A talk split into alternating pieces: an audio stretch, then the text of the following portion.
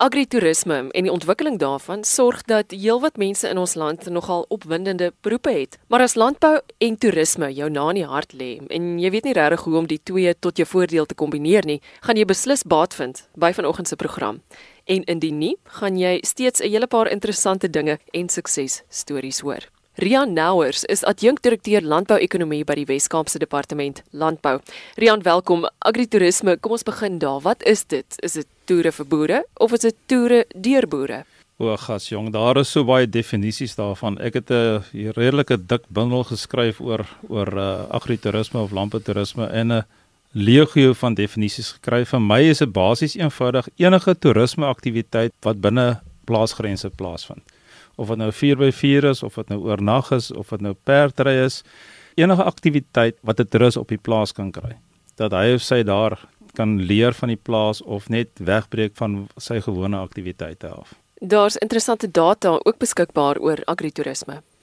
Jong, weet jy ons op Elsenburg, ons probeer rekord hou van wat aangaan in die agritourisme bedryf. Oornagfasiliteite op plase, daar's 2125 plase wat akkommodasie aanbied. Dit is gelykstaan aan so net meer as 29 beddens per plaas. Ek het uitgewerk inkomste gewys vir die jaar 2018 het die agritourisme plaasakkommodasie bedryf in die Weskaap 452 miljoen rand verdien. Maar as mens die okupasie, die besettingskoerse kan opstoot na 30% buite seisoen en 70% binne seisoen, dan kan mens dit opstoot na 1 biljoen rand toe. So die potensiaal is daar om 'n biljoen rand vir die provinsie te genereer. Dit is ook volgens my data ekwivalent aan 2200 werksgeleenthede wat geskep word. 4 by 4 roetes, ek het op my database 296 net in die Wes-Kaap. Wynkelders in die Wes-Kaap 960. daarmee saam met ons gesien 'n ontsettende groei die laaste tyd in mikrobrouerye. En ons het ook gesien die mikrobrouerye en die en die wynkelders, daar's 'n redelike goeie samewerking daarso. Ons noem dit 'n komplementêre verhouding. Plaasmarkte, 127 plaasmarkte wat ons in die Wes-Kaap het.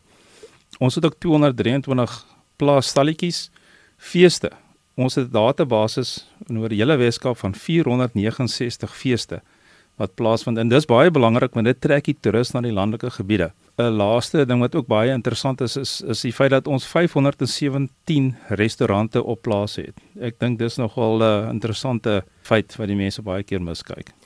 Wie is die mense wat agritourisme met sukses aanpak in ons land?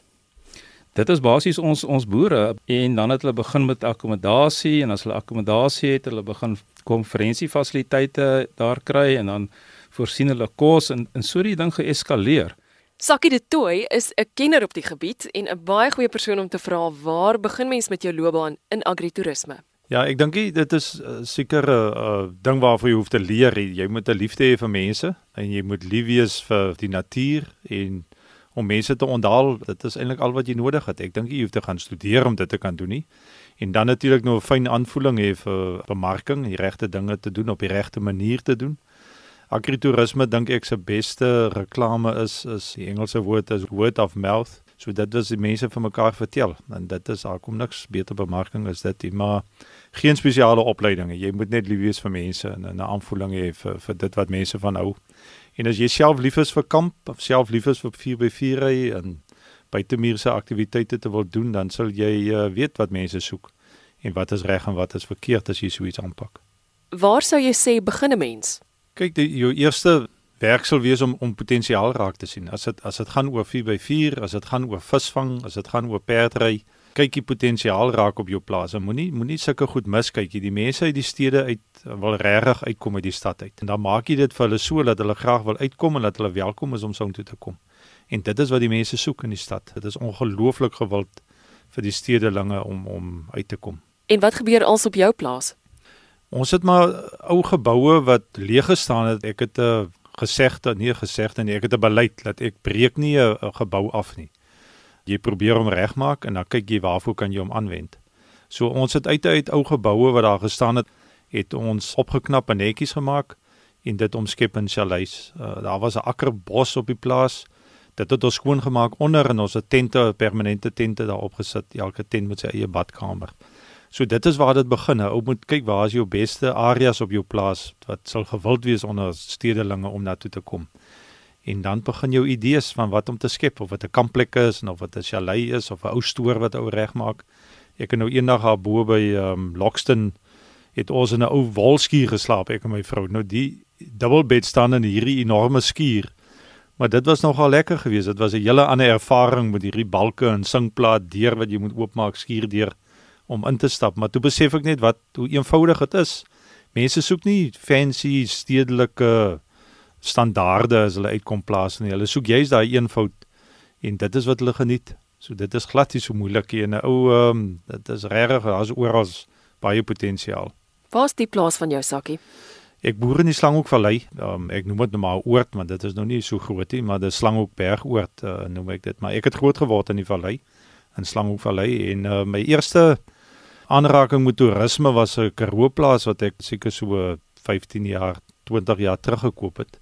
En toe het ons 'n 4x4 roete daar gebou. Die pad was eintlik gebou om om die heininge te inspekteer op die plaas en ek het dit geadverteer as 'n 4x4 roete en daai plek was omtrent elke naweek vol uh, met mense wat uit die stad uit moes kom. Hulle moes 2 uur ry om daar te kom. En dan die volgende vraag is meneer, waar kan ons slaap? Het jy 'n kampplek? En toe het ook 'n uh, kampplekkie ontwikkel daar waar 'n klompie bome was. En die plaas het ek toe verkoop en toe uit dit uit het ek uh, die Slanghoekberg oort ontwikkel want want toe besef ek mense wil ry uit die stad uit. Nou Slanghoek is net 'n uur uit die stad uit. Hy wil daai plek 2 ure uit die stad uit was. En uh, en as jy vir ander mense soos Robertson die areas kyk, mense gee nie om om te ry nie. Hy wil net op 'n Vrydagmiddag aand voor donker wil hy op sy plek aankom.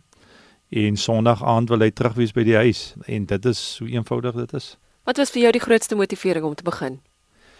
Toerisme is buite geld ons in die landbou is so blootgestel aan aan droogtes en aan die mark en uh, ons is baie keer moet ons maar net pryse neem wat aan ons aangebied word. Terwyl toerisme is altyd gekoppel aan inflasie.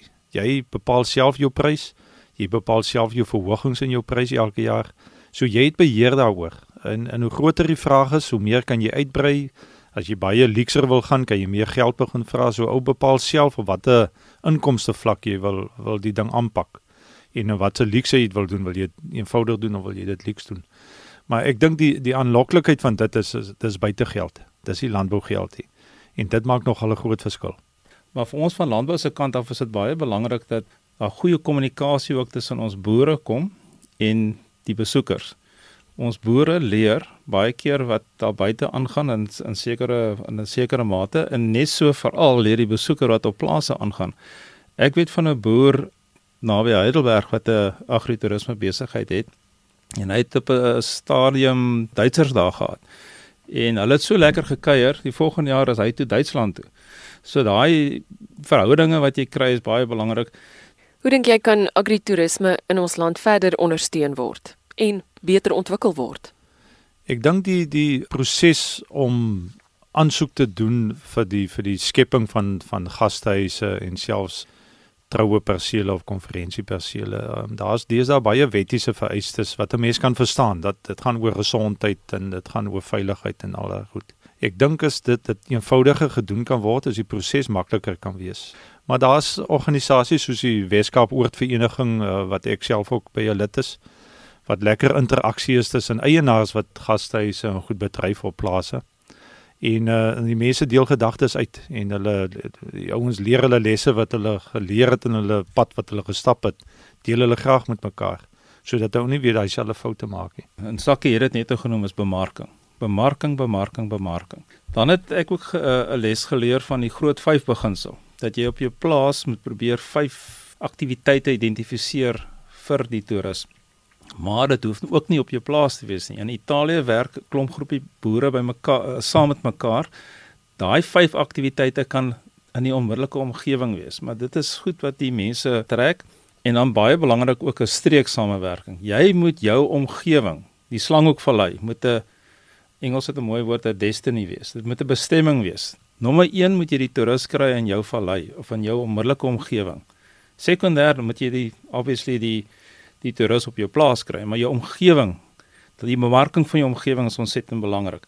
Ek wil inkom daarby Jan en ek, ek dink die uitdaging is om om die ou daar te hou, laat hy laat hy 2 of 3 aande daar slaap en nie net een aand kom bly nie. En dit is wat uh, families uh, mos nou baie graag doen en ek dink dit is wat presies wat jy nou sê rondom aktiwiteite. As daar genoeg aktiwiteite is, nie net by jou nie, maar ook in die omgewing, dan bly mense langer. Sakkie, die interessantheid is dit hoef nie 'n duur infrastruktuur te wees nie. Dit kan skoon lug wees, sterre. Dit kan stilte wees.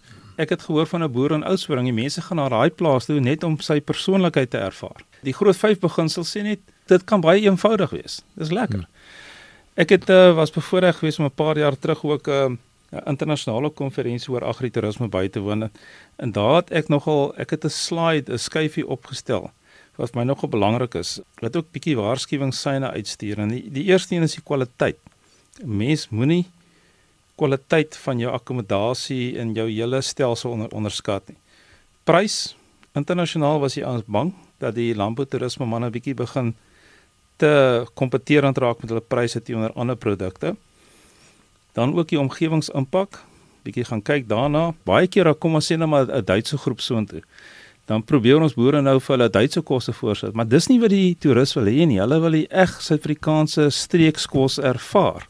Baie van die fondse wat gegenereer word op daai plase, moet 'n mens probeer terugkanaliseer na die omgewing toe. Ek weet van plekke en as ek my eie plek vat se se omset met die toerisme was seker binne 4 jaar dieselfde as wat die plaas in was toe ek die plaas gekoop het. So die potensiaal is enorm. So mense moenie dit onderskat nie. Want ek dink baie mense baie mense kyk hulle vas in die moeite om so iets staan te maak. En dan wil hulle dit nie begin doen nie. Maar as hulle weet wat die potensiaal is, dan het hulle eintlik al lankal daarmee begin.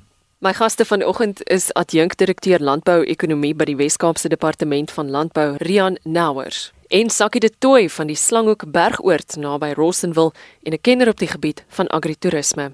Luister nou nog van ons programme deur dit aanlyn te vind op erisg.co.za en op elsenburg.com. Ek's Eloise Pretorius. Groete tot volgende keer.